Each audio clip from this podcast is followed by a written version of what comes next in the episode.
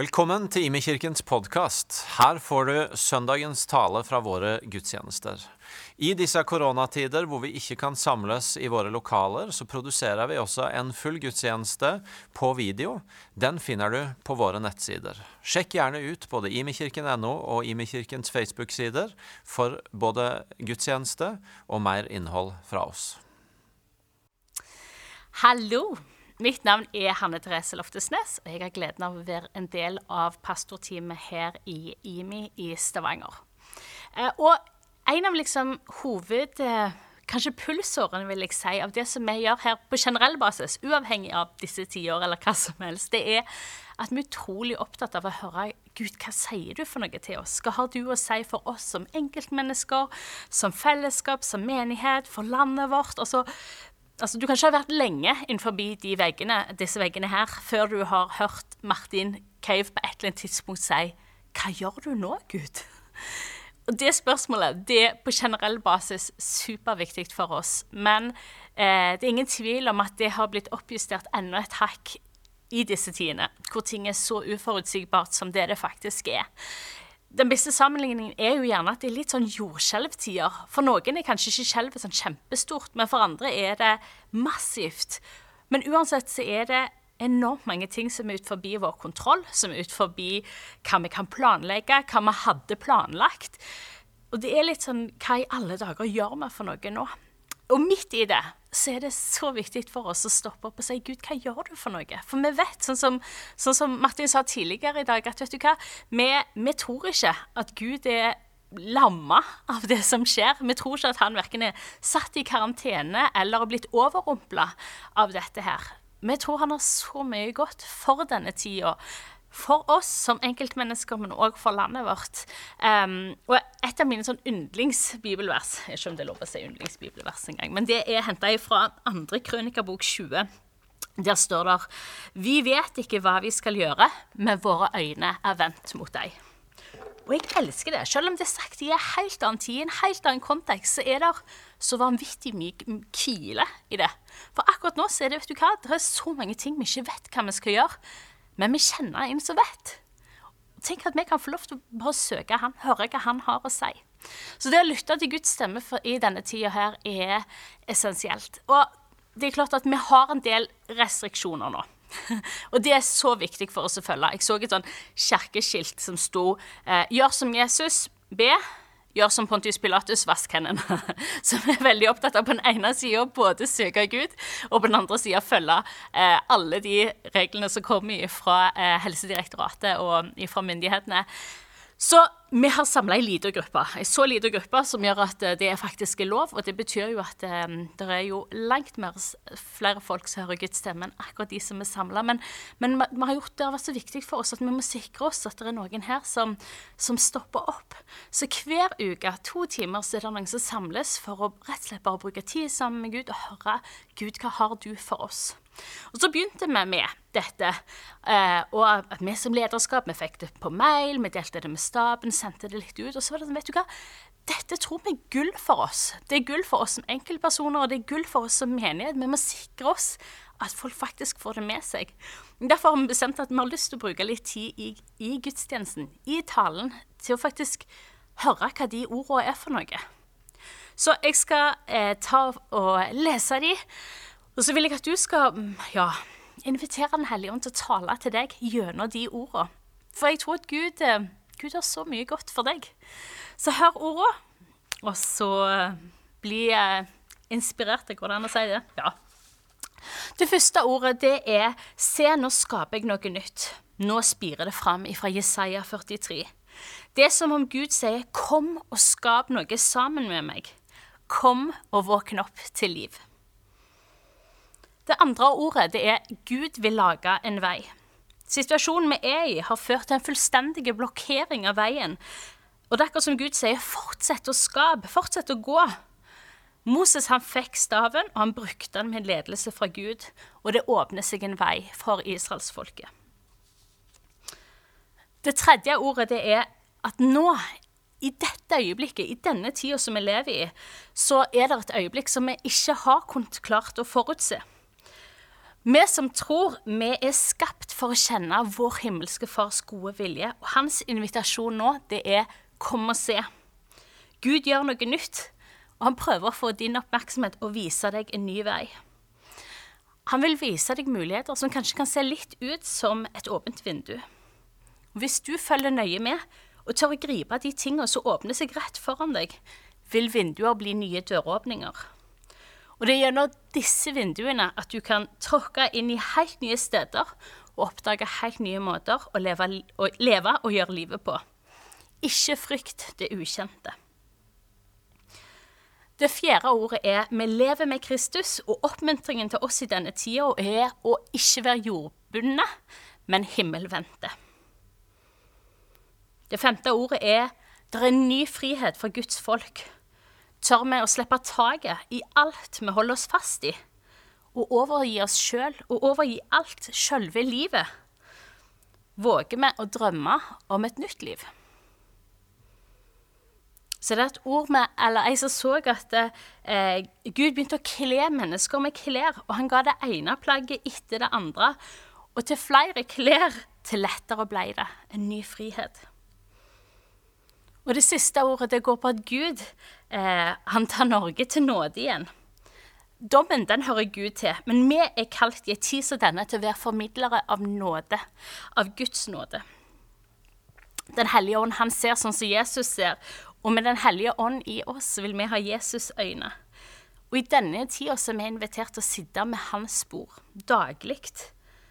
Og dette er en ubegripelig viktig tid for læring. I den grad vi kjenner Gud, vil vi se, forstå og handle som Han. Kom, det er plass med mitt bord. Dette er ordene som, eh, som, denne gruppa har opplevd at Gud har talt til dem om. Og jeg har ikke lyst til at det bare skal være informasjon som dere fikk om meg nå. Eh, jeg har lyst til at dere skal notere de ned et sted, eller spol tilbake i denne preika og hør akkurat um, disse ordene. Og sørg for at de får fylle deg med liv og med håp, og spør Gud Gud, hva har du for meg gjennom disse ordene. Og jeg har lyst til å gjøre det så konkret at vi bruker litt tid på det her og nå. Og jeg har jo sagt flere ganger at du har når som helst lov til å sette meg på pause for å gå og hente kaffe. Dette er ikke tida for å hente kaffe. Du kan sette meg på pause seinere. Men nå skal vi ha eh, litt tid hvor vi rett og slett bare inviterer Den hellige ånd til å komme og tale til oss gjennom de ordene, eh, og tale til oss eh, akkurat sånn som han vil. Så Hellige Ånd, jeg takker deg for at du har så vanvittig mye godt for oss. At når, når livet er ukjent for oss, og veien for oss er ny og annerledes, så så kan vi få lov til å vende våre øyne mot deg og stole på at du er sammen med oss, at du vil lede oss, og du vil fylle oss opp.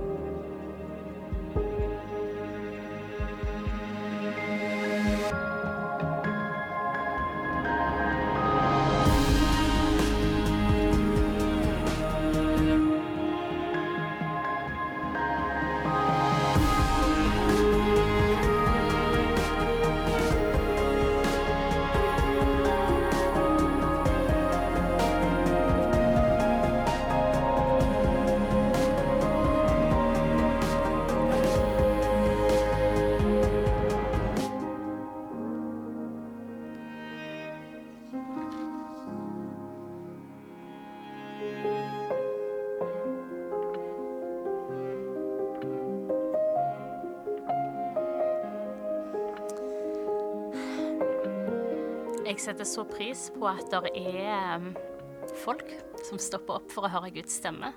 Og så merker jeg at det òg utfordrer meg og inspirerer meg til å sikre meg at jeg òg stopper opp ofte nok til at jeg uh, hører hva han vil si, og hører hvor han vil lede. Og det er litt det vi skal snakke om i dag. Så har jeg påminnelsen, eller jeg har allerede sagt, hør disse ordene flere ganger. Det vil jeg bare liksom sette et utropstegn bak. Hør disse ordene flere ganger. Dette er ikke informasjon, men dette er til liv. OK. Sceneskifte fra Guds ord til mine ord. Nei, kanskje det er en kombinasjon. Jeg håper det. Eh, Geir leste gjennom det som jeg hadde sett for meg å si eh, i går kveld. Jeg er aldri ferdig med det jeg skal si, for kanskje rett før jeg skal holde det. Så i går kveld sjekket Geir gjennom det. Så da han leste, så sa han ja, du er iallfall ingen, ingen predikant, sa han. Tenkte det var veldig oppmuntrende å høre. Jeg er ingen predikant. Men da følte jeg meg litt som, som Paulus. Han, han, sier jo et sted at jeg kom ikke til dere med stor talekunst, men jeg kom til dere med Den hellige ånds kraft. Og tenker, vet du hva, Det er helt greit for meg om jeg ikke kommer med store talekunst så lenge Den hellige ånd er her. Og jeg er helt sikker på at han er her. Og vet du hva? Det er det absolutt viktigste. Vet du hva? Når jeg har forberedt denne talen, så har jeg vært sånn Vet du hva, Gud, jeg har ett ønske, og det er at folk skal sitte igjen med en lengsel etter deg. En større lengsel etter Den hellige ånd. For jeg tror på et vis ikke helt vi har forstått hva gave han har gitt oss. Hva som ligger for oss. Så jeg håper vi skal forstå litt mer av det i dag. Jeg eh, har begynt å grine allerede. Jeg sa til Geir jeg kommer enten til å grine gjennom denne preika eller kjefte. Kanskje det blir litt av begge deler. Vi får se. Jeg kjefta litt på Geir, skal være sagt, når de hadde landa denne taleserien. Fordi at det, vi hadde snakket om at det er klart vi ville snakke om Den hellige ånd i tida mellom eh, påske og pinse. Altså, så klart vi vil snakke om Den hellige ånd. da. Og i fjor så snakket vi om kraft. Det var liksom det store um, den store overskriften. Og så liksom, ja, vi skal snakke om Den hellige ånd, men vi hadde liksom ikke helt landa på hvordan vi skulle snevre det inn. Og så jeg, kunne jeg ikke være på det møtet hvor en skulle snakke om det. Og så kom jeg på et annet møte, og så skjønte jeg at de hadde landa tema. Og de hadde ikke snevra det inn i det hele tatt. De hadde gjort det vidåpent. Jeg hadde jo sett for meg Vi skal snakke om Den hellige ånd. Vi vel, ja, kanskje vi velger det profetiske, sant? å høre Guds stemme, eller kanskje vi velger om å leve i Guds nærvær. Men de hadde liksom valgt Den hellige ånd. Og ikke bare liksom så svært, de hadde valgt i tillegg allemannseie og grensesprengende. Og jeg tenkte bare Er det mulig, liksom? Hvordan i alle dager skal vi klare å favne et så svært tema på liksom 30 minutter i seks uker, eller hvor lenge det er? Så jeg sa til Geir dette syns jeg var altfor mye. Altfor stort, altfor lite smalt, rista litt på hodet. Men så måtte jeg jo på et vis bare ta inn over meg at det var jeg som ikke hadde vært med på det møtet. Og så tenkte jeg jeg får bare la det gå. Det får være. Og så sa jeg ja til å tale i dag. Og så skulle jeg planlegge, og så hadde det akkurat som om eh, Gud viste meg at det var veldig lurt kanskje at jeg ikke hadde vært på det møtet hvor de hadde landa det. For jeg tror det var helt riktig tema for denne tida. For når vi snakker om Den hellige ånd, og jeg tenkte at jeg skulle planlegge denne talen, så tenkte jeg at det som er naturlige tilbøyeligheter for meg, det er enten liksom å snakke om alt det som er liksom sånn wow, crazy med Den hellige ånd, som jeg elsker, og som han er. sant? Mirakler, store under. Altså um, kraft og vind og tunger av ild og jordskjelv. Altså alt dette. I love it. Det, så det kunne, det kunne, godt ha snakket om det. Eller på den andre sida kunne jeg liksom funnet fram til denne her indre nerden min som ikke ligger liksom alltid helt innerst. Den ligger kanskje litt lenger ute òg, liksom. Ja, vi kan gå til de, til de oldkirkelige bekjennelsene, sant. Vi kan gå gjennom de forskjellige konsiler, hva de landa på i forhold til Den hellige ånd, og hva de hadde å si for altså, skjønner du, sant, og så forankre dette her i kirkehistorien vår. Og så satt jeg og planla dette her, og så var det akkurat som Den hellige ånd sa Det der, der, må du bare legge fra deg. Det, skal, det, jeg vil du skal snakke om, det er at jeg er din venn. Så nå blir jeg grinete igjen. Til og med på kamera, uten at det er noen som er her og hører på meg. Spar meg. Men jeg er din venn. Og det var på et vis det jeg skjønte. at vet du hva? Med en hellig ånd er det så lett å fokusere på alle tinga som han er eller alt det som man gir, og alt er jo helt riktig, og alt er jo fint. Det er ingenting galt med å fokusere på det. Men det var akkurat som det var liksom Den hellige ånd minte meg på at det, først og fremst handler det om hvem jeg er. Først og fremst så, så handler det om den personen som jeg er, og at jeg vil ha en relasjon med meg og med dere. Og det er det første, og det er det viktigste. Så vet vi at med det så får vi jo alt det andre i tillegg. Men det var akkurat som sånn Det første, det første først. Så jeg er så takknemlig for at Geir og teamet landa på et vidåpent et. For at vi kunne bruke tid på å snakke nettopp om dette. At Den hellige ånd fytti grisen foran vennene. Så vi skal bruke tid på å snakke det, om det. Og at han vil leve livet sammen med oss.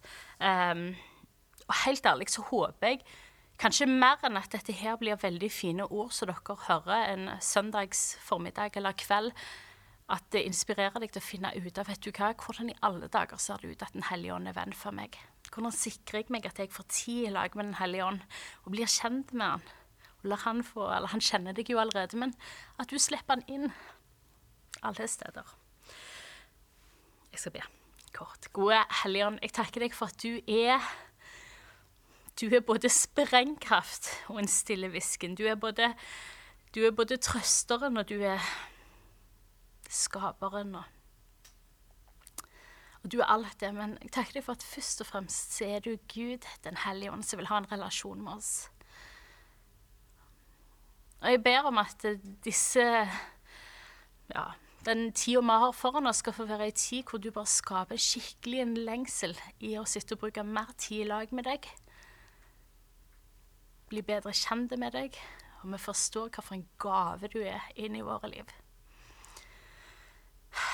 Amen. Ok, Vi skal sette et fundament først. For det er sånn at Den hellige ånd han er en del av treenigheten. Parentesen er Jeg husker første gang, jeg var sikkert fem eller seks år, var på det som den gang var IM-gjengen, altså barneopplegget. Og en av de som jobb, var liksom leder og skulle fortelle meg om treenigheten. Det var liksom tema. Og jeg husker at jeg tenkte fem eller seks år bare dette her er jo helt ko-ko. liksom. Dette har jeg aldri hør, før hørt om. Hva er dette her for noe? Og jeg var kanskje litt for liten til å gå til Bibelen for å søke kunnskap, så jeg gikk til det nest beste. Jeg gikk til min far. Og så fortalte jeg har du hørt dette her spinnvidlet de lærte oss på barneopplegget? Med Gud som er tre og én samtidig, og alt i sammen. Som jeg ikke klarte å favne hodet mitt rundt. Og så sa han jo som sant, for jeg tenkte liksom allerede vranglære, fem-seks år, liksom. Hallo, hva er dette her for noe? Men så sa han jo nei, dette her er det, det, er faktisk det vi tror på.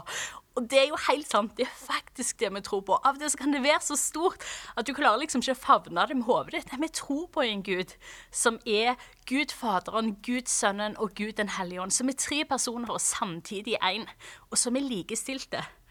Så når vi snakker om at Gud har gitt oss Den hellige ånd, så er det ikke sånn at han har gitt liksom B-utgaven av seg sjøl. Han har kommet sjøl. Så Den hellige ånd han er en del av treenigheten. Han er Gud, Den hellige ånd.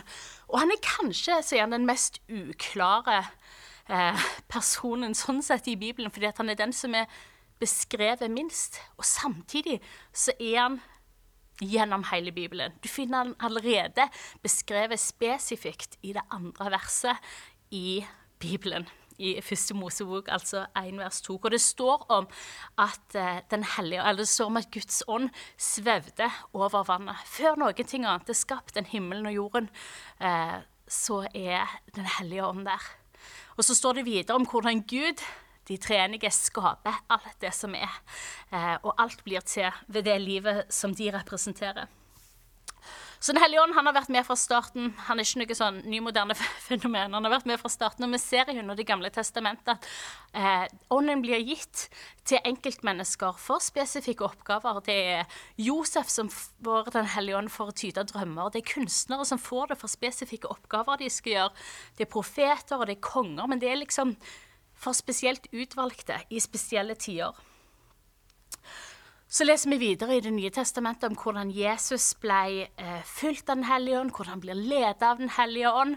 Eh, og dette her kan, Hvis du ikke har hørt den preika som, som, Martin holdt forrige uke, så hør han. Det var en kjempegod undervisning om Den hellige ånd. Eh, og hvordan Jesus var fylt av Den hellige ånd. Og så står det noe om at eh, etter at Jesus eh, har stått opp igjen, så treffer han disiplene sine, så står det at han ånda på dem og ga dem, eller sa ta imot Den hellige ånd. Og så kommer du til Kristi himmelfartsdag, og før han reiser til himmelen, sier han dem et vilt oppdrag, og så sier han ikke begynn på dette her før dere har mottatt Den hellige ånd. Så reiser han til himmelen. De er noe for fjamsa tilbake igjen, men så treffer pinsedag de. Og da, på selveste pinsedag, så blir alle Jesu venner fulgt med Den hellige ånd. Og Peter han siterer ordene fra Joels bok. I de siste dager skal det skje, sier Gud, at jeg øser ut min ånd over alle mennesker. Deres sønner og døtre skal profetere, de unge skal se syn, og de gamle skal drømme drømmer. Selv over mine slaver og slavekvinner vil jeg i de dager øse ut min ånd, og de skal tale profetisk. Og dette her er jo liksom, det er en to minutters oppsummering om Den hellige ånd. Altså, gi meg styrke. Vi kunne jo snakket om dette her i årevis. Men kort kort om Den hellige ånd. Så det vi ser, det er at eh, Den hellige ånd han er på den ene siden ikke noe sånn nymotens oppfinnelse. Han er ikke et eller annet som er liksom framheva av moderne karismatikere. Den hellige ånd han er liksom ikke for de spesielt interesserte. Han er ikke for de som løfter hendene høyest eh, under lovsangen, eller de som drister seg til å be i tunger under kveldsbønnen. Og han er heller ikke bare for de som skal stå på gigantiske scener og fortelle om han, eller som skal være forbundsleder i menigheten, eller eh, den som for de som har 100 understrekninger i bibelappen.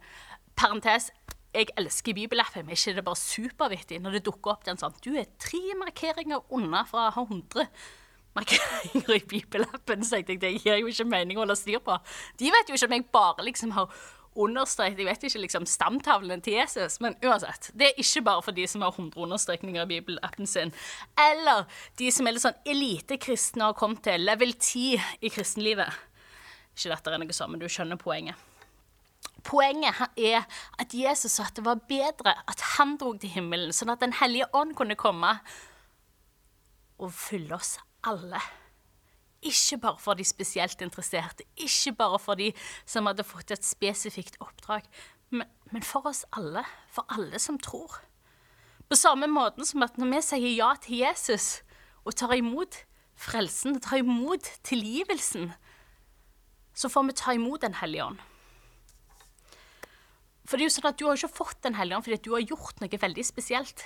Du har fått Den hellige ånd fordi at Gud har gjort noe spesielt. Han har gitt deg den fordi han vil, ikke fordi du har fortjent det. Ikke fordi han har spesielt merka deg for et oppdrag som derfor trenger du Den hellige ånd. Ikke disse, men du. Det er for oss alle. Alle trenger vi Den hellige ånd. Og skal jeg fortelle deg noe som jeg syns er superfint, og det er at Gud han gir vanvittig raust av sin ånd. For det er jo sånn, og jeg skal ikke ta en lang utleggelse på det, men men vi vet jo at Den hellige ånd han er det som vi kaller for omnipresent. Han er allestedsnærværende. Og samtidig så er det sånn, og det ser vi gjennom hele Bibelen, vi ser det i kirkehistorien, at på gitte tider så er han til stede med sin ånd på et spesielt vis. Akkurat sånn som på pinsedag. sant? Der bare plutselig så treffer Guds ånd de. Eller at uh, den Jesus fyller Nei. Den hellige ånd fyller Jesus eller disiplene. At det er liksom han er allestedsnærværende, og så samtidig så er han hos hver enkelt. Og samtidig går det an eh, å be om mer. Bli fulgt av Ånden, står det i Bibelen. Så det er lov å be om mer. Og Gud gir raust av sin hellige ånd. Og det er jo sånn at Fordi Jesus fullførte frelsesverket, og så drog til sin far i himmelen, får vi Den hellige ånd. Alle, alle sammen. Det er ikke sånn at han bare gir til Peter og Johannes og sier dere skal ut og helbrede noen. Så dere får det, men ikke disse disiplene. Men han gir jo Den hellige ånd til alle de som var samla. Alle sammen. Og videre så er det jo i Joels, eh, ordene fra Joels bok sant, at det, det, er til alle. De, alle Guds ånd er utøst over alle mennesker. Så la oss stoppe litt ut av eh, de ordene, for jeg elsker jo det. Altså Guds ånd den er ikke bare liksom Jeg vet ikke. Det er ikke bare sånn dryppe litt her og litt her, eller det er ikke liksom bare sprinkle litt. Det er liksom Ordet som man bruker, er Gud øse. Altså i rikt monn. Det er de ordene som står i Joels bok. Og referansepunktet mitt er, og det er jo en helt annen kontekst Egentlig skal det ikke brukes, men jeg bruker det for det. om. Det er at I et av brevene så står det at Gud elsker en glad giver. Og Da snakker han jo om penger. Men jeg tror at Gud elsker en glad giver, fordi Gud er en glad giver. Og jeg er helt sikker på at Gud har liksom bare gleda seg til dette punktet i historien. Pinsedag, hvor Guds ånd blir utøst over alle i rikt monn. Fra Lukas 11 så står det Finnes det en far blant dere som vil gi sønnen sin en orm når han ber om en fisk, eller gi ham en skorpion når han ber om et egg? Når selv dere som er onde, vet å gi barna deres gode gaver, hvor mye mer skal ikke da Far i himmelen gi Den hellige ånd til dem som ber ham? Altså, jeg tror Gud har bare gleda seg sånn til dette. Se, folkens, endelig! Ta imot! Jeg vet ikke om han liksom faktisk øser, men det er ingen tvil om at han liksom gir i rikt monn av Den hellige ånd. Han gir ikke bare litt. Spørsmålet hans er ikke åh, hvor mye må jeg gi, men hvor mye vil de ha? Hvor mye vil de ta imot av han? For lenge siden, sikkert mer enn ti år siden, så ga Gud meg et ord, og det var 'si takk for det du har fått, men ikke ta til takke med det'. Og Det har vært litt sånn ord som har kommet tilbake til meg. Vet du hva, Gud, jeg skal takke meg for alt det du gjør, men jeg vet at du har mer for meg. Og Så skaper det ikke utakknemlighet i meg for det jeg har fått, men det skaper heller en større forventning til at jeg vet hvem Gud er.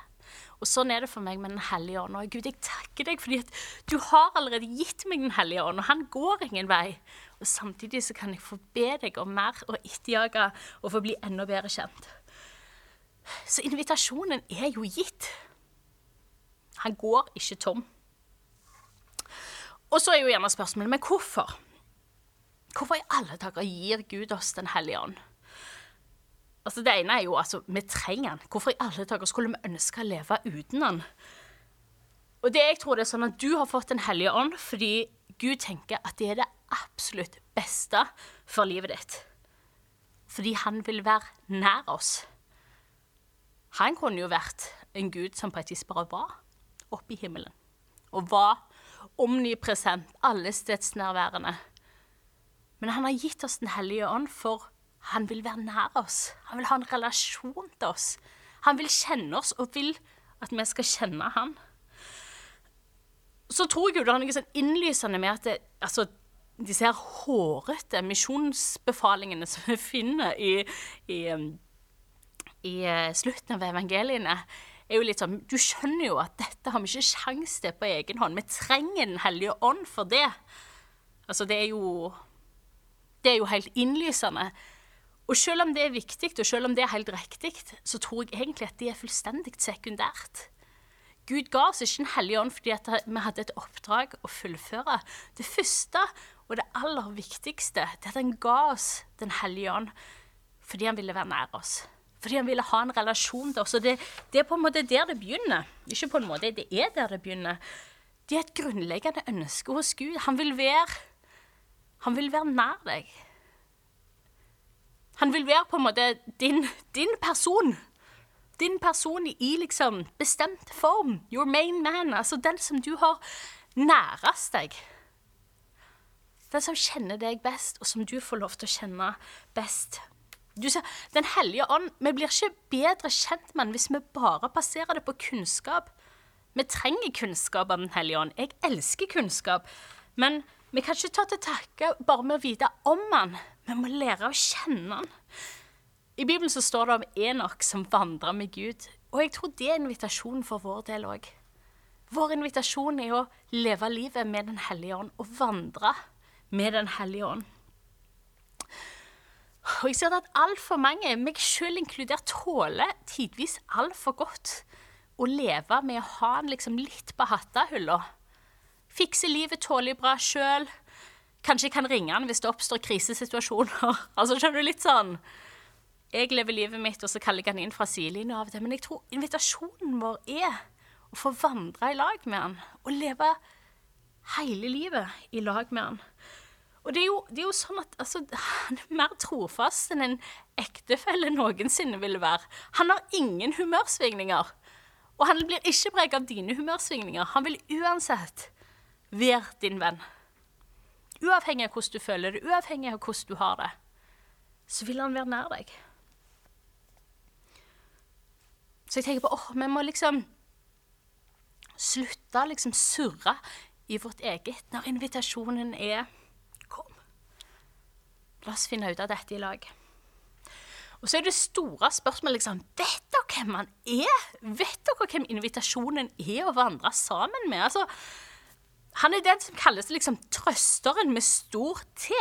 Han er liksom talsmannen. Det er han som gir oss håp ved sin kraft. Han er kraft. Han er den hvis frukt er, som det står i Galaterbrevet 5, det er kjærlighet, glede, fred, overbærenhet, vennlighet, godhet, trofasthet, ydmykhet og selvbeherskelse. Altså Wow. Han er, han er den som peker på ting som er galt i livet vårt, for at vi skal få bli fri fra det. Han er den som peker på Jesus. Han er Kristi ånd, han er sannhetsånd. Og av og til får jeg litt sånn ah, Dette er hvem du er, Hellige Ånd. Og så tar jeg til takke med dette. At jeg ikke forstår hva du inviterer meg inn i. Hvem jeg får være i relasjon med. Altså, her har vi Den hellige ånd, Gud. En person som lengter etter å fylle oss, bli kjent med oss, la seg bli kjent med, å fylle livet vårt med alt sitt liv. Altså, come on! Altså, litt av en rulle inn. Kan vi, kan, vi, kan vi settle for less, liksom? Nei. Jeg sier dette vel så mye til meg sjøl som jeg sier det til dere. Vet du hva? For en invitasjon vi har fått. For jeg, når jeg skulle forberede meg til dette, her, så leste jeg litt, bladde i litt forskjellige bøker. Alt fra Peter Haldorf til Benny Hinn. Du kan mene hva du vil om det. Vi kan snakke om det siden. Men ett sitat leste jeg, og det er um, fra avslutninga av ei bok fra Peter Haldorf. Sitatet er en jeg aldri har hørt fram. Men han sier målet for det kristne livet er å bli fulgt av Den hellige ånd. Målet for det kristne livet det blir fulgt av Den hellige ånd. Målet for det kristne livet det handler ikke om um, kampen mot synden eller uh, alt jeg skal gjøre. Det handler om å bli fulgt av Den hellige ånd og ta imot av alt det som Gud vil gi deg. Altså, for et nydelig mål. Det betyr at det som ligger på min kappe, det er å ta imot. Rydde til side, så jeg faktisk får ta imot. Og så er vel kanskje 1000 kroner spørsmålet, men hvordan gjør vi det? Hvordan, hvordan blir vi bedre kjent med Den hellige ånd? Hvordan rydder vi plass? Og det åpenlyse er jo liksom bare å invitere han inn. Geir, En av Geir sine helter det er en som heter Brother Lawrence. og Jeg vet vi har snakket om han flere ganger før, men, men jeg ville bare nevne det igjen. At han var en fattig mann som var soldat. Og plutselig så hadde han en åpenbaring med Gud som gjorde at han ble kjent med Jesus. Så søkte han seg til kloster, men han hadde ikke det som han trengte for å kunne bli en munk, men han fikk lov til å jobbe på kjøkkenet. Og han jobbet jo på kjøkkenet hele livet. Det var ikke noe sånn. Det var ikke sånn at han steg i gradene ble biskop til slutt. Han jobbet jo på kjøkkenet hele livet og lagde mat. Eh, men vitnesbyrdet om hvem han var, er at han eh, levde i Guds nærvær. Og så har han skrevet noen brev som gjør at vi får fatt i noe av det han sier. Han sa at alt det jeg gjør, kan jeg gjøre med bevisstheten om at han er sammen med meg. Om jeg vender eh, pannekakene i panna, så kan jeg gjøre det til Guds ære. Eller om det skaller potetene, så kan jeg gjøre det sammen med han. Og for, for Geir og for meg så har det blitt bare sånn vanvittig inspirasjon at det handler jo ikke om hva jeg gjør for noe. Det er ikke sånn at det å vandre med en helligånd bare handler om de store, eksklusive oppgavene. Men det handler om at i alt det jeg gjør i hverdagslivet mitt, så kan jeg være vare på at han er her, at han vil være sammen med meg. Om det er å skrelle poteter, så er ikke det så farlig. Og det er jo ingen som er bedre til å mime det sant, enn Leif Hetland som snakker om duer. Det er noe av det beste i verden. sant? Om at Hvis du har ei due på skulderen, så går du jo med hvert eneste skritt med den dua i mente. Det er jo liksom bare Du buser jo bare ikke av gårde, men du har det hele tida i mente. at det er han. Og tenker jeg at det er, det er et så godt bilde for oss med Den hellige ånd. Stadig huske på at han er med oss. Han er sammen med oss. Han vil være sammen med oss. Han vil fylle livet ditt med alt det som gode som han er. Vi må liksom bare begynne med å invitere han inn. og jeg tenker liksom, Det er et drøss av gode alternativer. Inviter ham inn i bibellesinga di, før du setter deg ned for å lese Guds ord, så inviterer du ham til å være med deg. Og til å fylle deg med dette ordet. La det få bli til liv for deg. Før du bruker tid på å be, så inviter ham til å være sammen med deg. Altså, Det er jo liksom kanskje sånn de fromme variantene, men inviter han inn når du tar oppvasken. Fjern liksom alt annet støy, og sikre deg at du liksom bare OK, Helja, nå er det dette vi gjør. Eh, skru ned støyen fra liksom alt det andre. Hør hva han sier. Jeg husker Bill Johnson eh, fra Bethel Church. Han sa liksom Nei, før jeg legger meg, eh, eller før jeg sovner, når jeg har lagt meg i senga, så bruker jeg tid eh, til å bare ta imot Den hellige ånd. Og til bare til å være i Guds nærvær. Liksom, det er det siste jeg gjør før jeg legger meg. Og hvis jeg våkner på natta, så, så vender jeg blikket mitt igjen mot Gud. Så jeg vet du hva? Du ligger jo uansett i den senga. Det er ikke vits i å bruke masse tid der på å gnure på alle bekymringene som du kanskje potensielt har. Bruk den tida til å faktisk invitere Den hellige ånd til å være sammen med deg. Jeg husker ei tid hadde vi en sånn buzzer som mange av oss gikk rundt med, som liksom vibrerte hver time eller hver halvtime for å liksom minne oss på å stoppe opp og ta litt tid i lag med Gud. Helt konge. Gjør det som funker. Ha varsler på mobilen din. Ha neglelakk på tommelfingeren din for å minne deg på at vet du hva, Hellige ånd, det stemmer. Altså Les bøkene som gir deg en større lengsel etter Han. Les The Practice of the Presence of God av Brother Lawrence. Eller kom til meg, jeg har tusen tips å foreslå i forhold til dette, dette her. Men ikke ta til takke med det du har så langt. Gud har så vanvittig mye mer for deg. Så snakk med huskjerka di om det. Snakk med vennene dine om det. Snakk med ektefellen din om det. Bare sikre deg at du snakker om det. Og at du finner ut av hvordan det blir liv for deg. For det er jo sånn, Du trenger ikke å overtale han. Altså, han lengter etter å være sammen med deg. Gi han plass. Sikre deg at du tar fem minutters ferie og sier 'Helligånd, jeg er her'. Jeg har tid mellom jeg har levert ungene i barnehagen jeg må springe videre til jobb. Fem minutters ferier. Og vandre med han. Å vandre med han. Og la seg lede av han. Vet du hva, det er bare så Det er så vanvittig mye bedre liv å leve med Den hellige ånd. Å vandre med han enn å bare ha han på hattehylla for de tidspunkter som en tilfeldigvis kommer på det. Så jeg skal avslutte med dette. Og det er at det at du har fått Den hellige ånd, det er utelukkende på Guds skape. Du har ikke gjort noen ting for å fortjene det, og han kommer heller ikke til å um, trekke han inn. Han, du har fått Den hellige ånd fordi Gud vil gi det til deg. Det har ikke med prestasjonene dine å gjøre. Men det er et alvor med hvor mye du lar han lede deg, fylle deg, hvor nær venn av deg han får bli. Det er faktisk på din kappe. For det er sånn at vi har, vi har like forutsetninger, alle sammen. Men vi gjør ulike prioriteringer, og vi gjør ulike valg. Og Guds ønske det er ikke å holde tilbake igjen. Guds ønske det er å være kjent, det er relasjon, å leve livet sammen. Og jeg tror vi trenger å forstå det. Gud har så lyst til er opp til oss å finne ut av hvordan i alle dager får vi mer av Han. Den hellige ånd er ferskvare, hørte jeg en si en gang. Og det er helt sant. Ikke ta til takke med det som du fikk i går eller forrige uke eller gammel manna. Den hellige ånd er ferskvare for dagen din i dag. Vi ber. Hellige ånd, jeg takker deg for det at dette ikke står på deg. Takker deg for at du gleder deg over å få være vår venn. At du gleder deg over å la oss få bli kjente med deg. Jeg ber om at du skal skape en lengsel i våre hjerter etter å se mer av deg, etter å få vandre med deg, etter å la oss lede av deg. Jeg takker deg, Hellige Ånd, fordi at det er så nådefullt. Jeg takker deg for at det skal være lett. Og jeg ber om at vi ikke skal ta til takke med mindre.